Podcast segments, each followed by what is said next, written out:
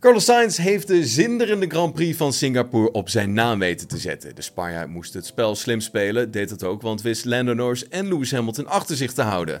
George Russell vocht ook lang om de zegen, maar crashte in de slotfase. Max Verstappen werd slechts vijfde, al was dat achteraf gezien toch best wel een prima resultaat.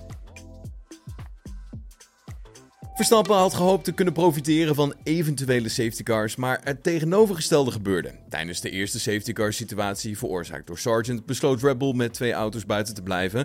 Beide Red Bulls werden daarom dan ook direct ingehaald na de herstart, omdat ze op oude banden reden. En tijdens de tweede neutralisatie, bij het uitvallen van Ocon, kwam op een moment dat Verstappen nou net binnen was geweest voor een nieuwe set bandjes. Ja, zij konden dus allebei niet van deze momenten profiteren. Alles zat tegen in de wedstrijd qua safety cars, vertelde hij na afloop bij de microfoon van Viaplay. De eerste stint was redelijk oké tot aan die safety car. We moesten er echt voor vechten. Daarna had iedereen verse banden, waren daardoor een stuk sneller en ik had geen kans. Daarna op de mediumband ging het wel goed, maar het was gewoon twee keer pech. Verstappen ging vervolgens ook nog in op de balans en de gripproblemen die hij had tijdens de vrije training en de kwalificatie. En zegt daarover: In de race was dat iets beter, maar het zat nog niet op onze normale standaard.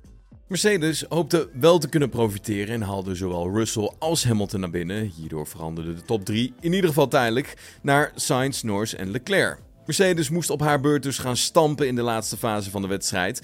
Voor Alonso was het ook niet echt een prachtige wedstrijd. Spanjaard kreeg 5 seconden straf, maar kreeg ook nog te maken met een compleet mislukte pitstop en een spin op de baan. Het einde van de wedstrijd werd bloedstollend spannend. Mercedes wist het gat dat ze na een pitstop in een rap tempo dicht te rijden. Leclerc moest zich al snel gewonnen geven en vervolgens konden Russell en Hamilton hun jacht inzetten op Norris en. En het leverde toch wel een waanzinnige ontknoping op. Sainz kwam uiteindelijk dus als winnaar over de streep nadat Norris, Russell en Hamilton in een heftig gevecht verwikkeld waren geraakt. Russell crashte zelfs nog in de absolute slotfase, waardoor hij zijn potentiële overwinning er ook zag opgaan.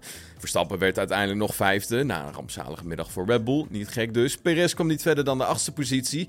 En ja, we moeten toch ook wel credits geven aan Liam Lawson, die zijn eerste punten wist te halen tijdens zijn derde Grand Prix. Voor Carlos Sainz was het dus een topweekend. Na afloop van de race liet hij weten dat hij alles onder controle had. En dat zag er eigenlijk ook wel zo uit. Hij wist op de juiste momenten Norris naar zich toe te halen door terug te zakken en hem DRS te geven. En juist bij de belangrijkste bochten weg te lopen. Bij punten zoals bocht 7 en bocht 15 waar je toch wel voor moet blijven. Ik ga niet liegen, je staat onder druk en een foutje is zo gemaakt. Ik had echter wel het idee dat ik alles onder controle had. En we hebben de zegen over de streep weten te trekken.